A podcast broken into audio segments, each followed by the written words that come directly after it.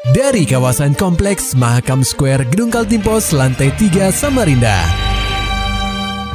96,8 KPFM Kita akan ikuti program KP Flash News.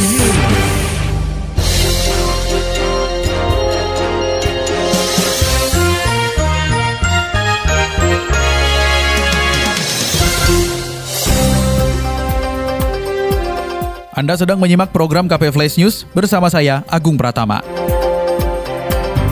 Berita utama. Pendengar KP, bisnis prostitusi online nampak semakin marak di kota tepian.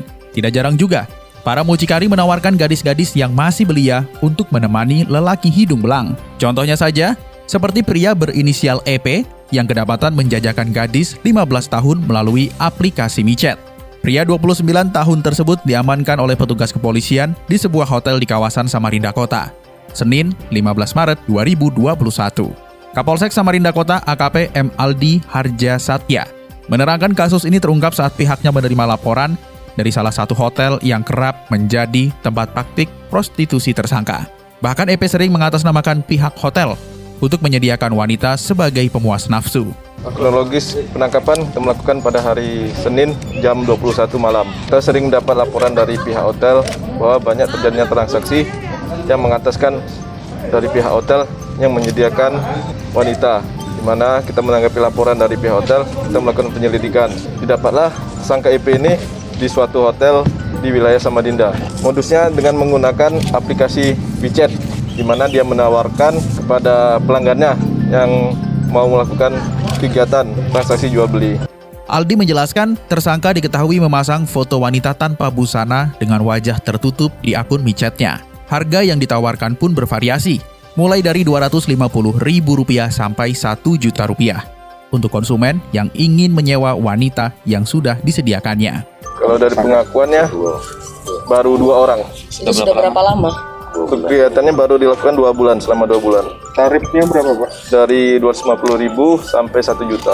Dan dia berubah-ubah hotelnya atau berubah-ubah hotel dia? Pembagian sendiri komandan, pembagiannya dari untuk yang wanita sendiri sama mucikarinya dari berapa Dari hasil yang transaksi dia lakukan yang kepada wanitanya dia mendapatkan uang sekitar 50 ribu sampai 100 ribu.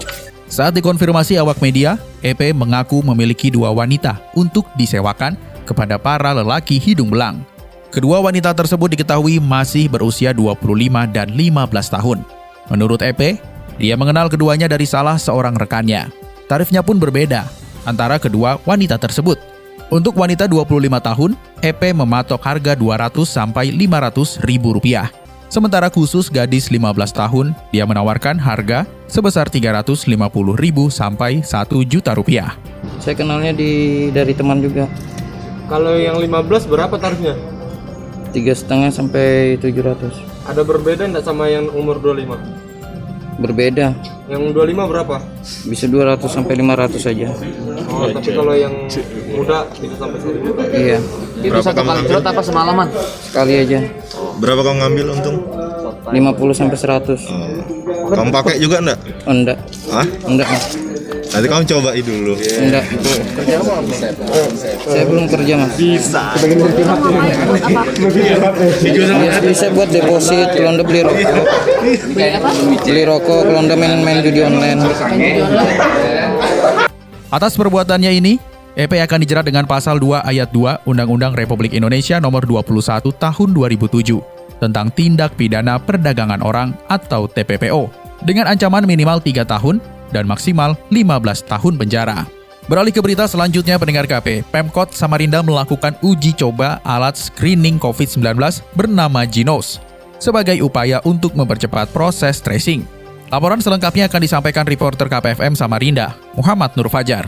Pendengar KP, Pemkot Samarinda telah menyediakan 7 alat screening Genos guna mempercepat proses tracing atau identifikasi COVID-19 di tengah masyarakat. Uji coba Genos langsung dilakukan oleh Wali Kota dan Wakil Wali Kota Samarinda, Andi Harun dan Rusmadi di Anjungan Karangmumus, Jalan Balai Kota, Samarinda pada Selasa 16 Maret 2021. Dikonfirmasi usai kegiatan, Andi Harun mengatakan dirinya sudah menyampaikan kepada Kepala Dinas Kesehatan atau Dinkes Samarinda dan Direktur RSUDI Amuis agar tidak memungut biaya operasional dalam rangka mempercepat proses tracing. Tetapi, jika hal tersebut digunakan untuk surat keterangan perjalanan, maka mereka harus membayar sesuai harga yang akan ditetapkan nanti.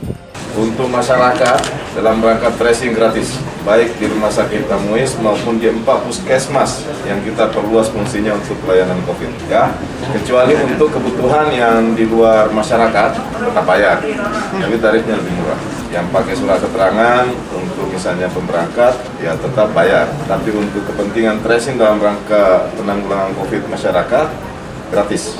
Sebenarnya, Pemko Samarinda telah memesan alat screening genos sejak satu bulan yang lalu.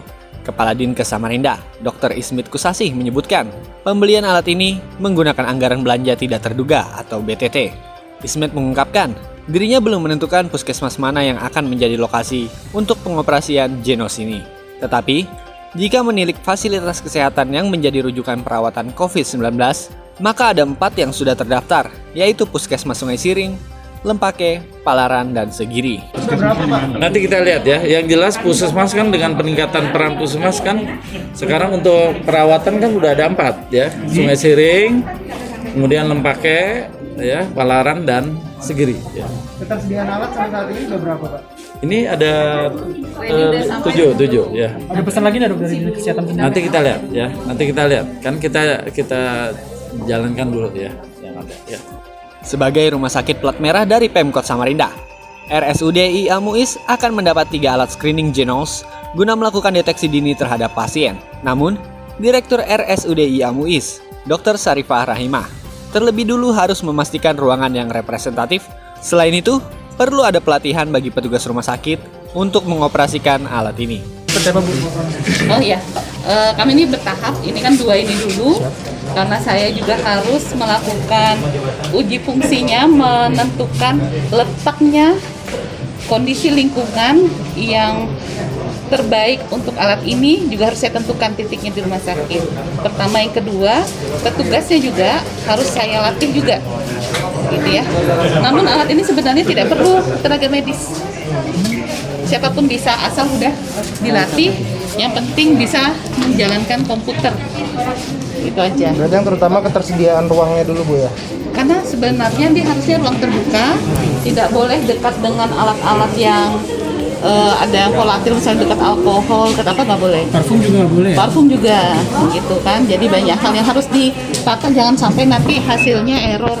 Lebih lanjut, Syarifah menegaskan kepada masyarakat yang ingin menggunakan alat screening genos untuk tidak makan dan minum selama 30 menit sebelum melakukan tes. Hal ini penting dilakukan agar hasil yang ditunjukkan dapat akurat dan tidak error. KPFM Samarinda, Muhammad Nur Fajar melaporkan. Beralih ke kabar ekonomi pendengar KP, harga komoditas cabai belum stabil jadi perhatian Bank Indonesia. Laporannya disampaikan reporter KPFM Samarinda, Maulani Alamin. Pendengar KP, harga komoditas cabai di sejumlah pasar di Samarinda belum stabil. Fenomena ini terjadi sejak awal 2021. Harga cabai yang biasa dibanderol di angka Rp30.000 melonjak tajam, bahkan harganya kian hari kian pedas, menyentuh angka Rp100.000 per kilogram. Kepala Kantor Perwakilan Bank Indonesia Kaltim Tutuk SH Cahyono menuturkan, Bank Indonesia sejauh ini sudah menyusun strategi yang fokus menjaga ketahanan pangan di Kaltim. Ini dilakukan agar fluktuasi harga tidak memberikan dampak berkelanjutan seperti inflasi. Itulah strateginya Bank Indonesia, ya kan?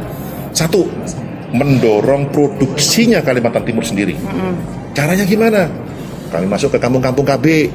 Balikpapan juga bikin tuh gerakan-gerakan wanita, ya kan? Supaya apa? Urban farming. KB. Sudah jadi beberapa kampung bagus tuh.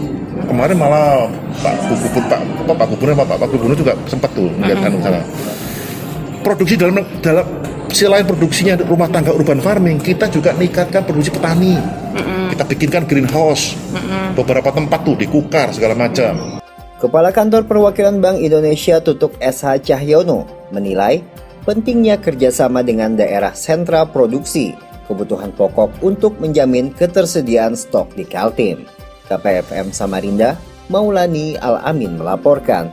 Kita beralih ke dunia olahraga pendengar KP. Kurang lebih sepekan, tim sepak bola pekan olahraga nasional atau PONKALTIM menjalani latihan bersama di Stadion Madia Sempaja sejak Selasa 8 Maret 2021 lalu. Pasalnya, setelah pandemi COVID-19 melanda, para pemain menjalani latihan atau training center atau TC desentralisasi mandiri di daerah masing-masing dan saat ini baru bisa kembali dikumpulkan untuk menjalani latihan bersama. Hal ini diungkapkan Ketua Asosiasi Provinsi Persatuan Sepak Bola Seluruh Indonesia atau ASPROF PSSI Kaltim Yunus Nusi saat ditemui di Stadion Madia Sempaja Jumat pekan lalu. Yunus menjelaskan, TC yang dilakukan tersebut dilakukan oleh Asprof PSSI Benua Etam sendiri untuk mempermudah pelatih dan memantau para pemain. Dan nanti akan diberikan lagi informasi terakhir, hasil terakhir, karena uh, SIN masih berharap akan ada lagi TC selanjutnya yang menuju ke lanjutan prakualifikasi Piala Dunia bulan Juni yang akan datang. Diketahui, saat ini sebanyak 25 pemain dari beberapa daerah di Kaltim yang memang sudah melalui seleksi ketat. Tetapi para pemain tidak bisa bersantai. Pasalnya, Asprof masih memberlakukan promosi degradasi. Maulani Alamin, Muhammad Nur Fajar, KPFM Samarinda. Serta dapatkan berita-berita selengkapnya di www.968kpfm.co.id. Demikian tadi telah kita simak rangkaian berita-berita yang terangkum dalam program KP Flash News. Persembahan dari 96,8 KPFM. Terima kasih dan sampai jumpa.